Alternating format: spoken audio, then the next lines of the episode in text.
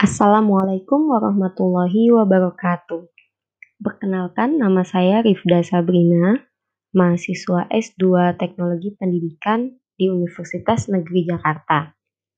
Pada kali ini, saya akan menjawab empat pertanyaan mengenai definisi teknologi pendidikan berdasarkan video wawancara Dr. Tim Green dengan Dr. Michael Molenda. Empat jawaban atas pertanyaan-pertanyaan tersebut adalah sebagai berikut. Yang pertama, untuk definisi teknologi pendidikan menurut AICT tahun 1994 dikritisi oleh peserta konvensi sebagai suatu proses yang mirip dengan ISD atau Instructional System Design. Maka untuk itu, Dr. Molenda menyarankan untuk memasukkan unsur nilai atau values ke dalam definisi berikutnya atau tahun 2004. Orang sebagian orang yang lain setuju untuk menambahkan efek ke dalam definisinya. Meskipun intinya sama-sama tentang nilai antara efek dan value ini, namun mereka berbeda dalam list prioritasnya.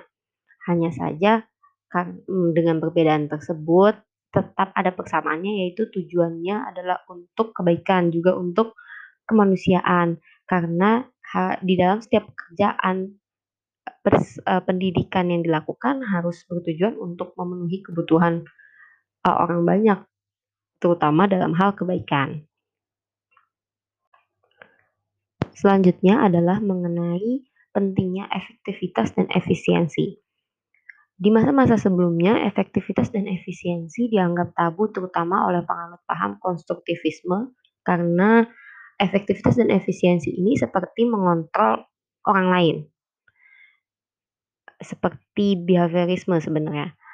Namun eh, pada hakikatnya dua unsur ini sangat manusiawi karena kita membantu peserta didik untuk memberikan sistem pembelajaran yang bisa membuat mereka belajar lebih cepat dan lebih baik dan apabila itu diberikan dengan budget yang lebih sedikit, maka itu efisien namanya. Di sini Dokter Molenda memberikan contoh uh, kepada seorang amatir yang bahkan bisa membuat jembatan.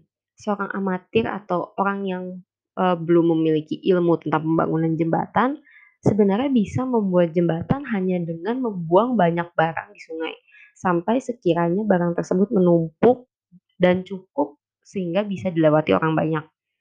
Namun, insinyur atau seorang yang tahu tentang ilmunya ini bisa membuat jembatan dengan cara efektif dan efisien.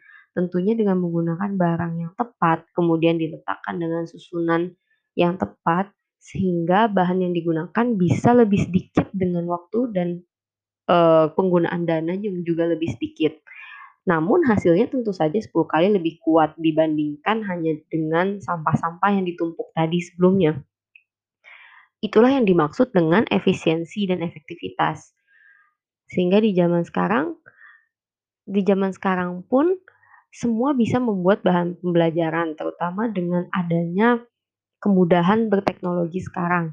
Siapa pun bisa membuat bahan pembelajaran. Namun, apakah bahan atau sumber pembelajaran tersebut efektif dan efisien untuk pembelajaran? Belum tentu. Itulah yang membedakan teknologi pendidikan, para ahli teknologi pendidikan dengan yang bukan. Kemudian yang ketiga adalah perbedaan dari instructional technology dengan educational technology. Sebagaimana kita tahu, instruction atau pembelajaran adalah suatu set aktivitas uh, yang mendukung atau sengaja disusun untuk membuat siswa belajar, sehingga kegiatan-kegiatan tersebut terkontrol. Sedangkan pendidikan atau education adalah keadaan-keadaan di mana uh, orang-orang ingin belajar namun tidak dalam keadaan terkontrol, tidak dalam suatu set aktivitas yang sengaja disusun untuk membuat ia belajar. Seperti contohnya ketika dalam perpustakaan uh, orang tersebut ingin mengetahui tentang suatu ilmu, maka ia memutuskan untuk mencari bukunya di rak-rak tertentu tanpa harus dipandu atau dibimbing uh, orang untuk mencarinya. Begitupun ketika ia menemukan buku tersebut, ia akan membaca sendiri tanpa perlu dibimbing. Ketika membaca buku tersebut, setelahnya ia akan merasa mendapatkan ilmu. Itu adalah belajar. Dia telah dia telah belajar dan telah mendapatkan ilmu. Itu adalah yang dimaksud dengan uh, pendidikan. Untuk sumber-sumber pendidikan atau educational resources like uh, seperti buku atau DVD dan sebagainya ketika sumber-sumber biasa tersebut yang dapat sebenarnya dapat dipelajari sendiri, namun ketika dibawa oleh guru ke dalam kelas, kemudian disusun dalam kegiatan-kegiatan seperti misalnya diberikan pendahuluan, kemudian setelah pemberian uh, sumber tersebut, siswa diberikan aktivitas, pertanyaan atau sebagainya, maka sumber biasa, sumber ya yang biasa yang dapat digunakan untuk belajar biasa tadi kemudian menjadi sumber pembelajaran karena setelahnya terdapat aktivitas-aktivitas yang tetap mengontrol siswa untuk dapat belajar. Kemudian untuk instructional technology dan educational technology sebenarnya salah satunya tidak saling mengungguli satu sama lain. Karena sebenarnya masyarakat menganggap kedua hal ini adalah sama atau deskripsinya itu sama.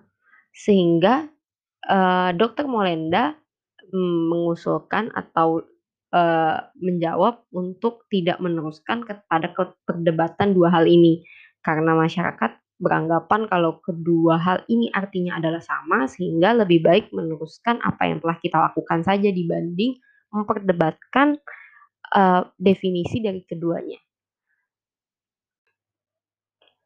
Sekian dari saya mengenai uh, definisi dari educational technology ini. Terima kasih. Wassalamualaikum warahmatullahi wabarakatuh. Lalu yang terakhir adalah mengenai implikasi dari adanya unsur facilitating learning di dalam uh, definisi Educational Technology AECT tahun 2004. Dengan adanya unsur facilitating learning ini atau memfasilitasi belajar, kita sebagai orang-orang teknologi pendidikan uh, diharuskan untuk mengerti bagaimana proses belajar ini berlangsung. Tentunya pada siswa. Namun kita mengerti, memahami proses pembelajaran atau proses belajar yang terjadi ini bukan sebagai ahli uh, teori belajar saja, namun sebagai praktisi juga atau sebagai teknologis yang disebut oleh uh, dokter Molendanya.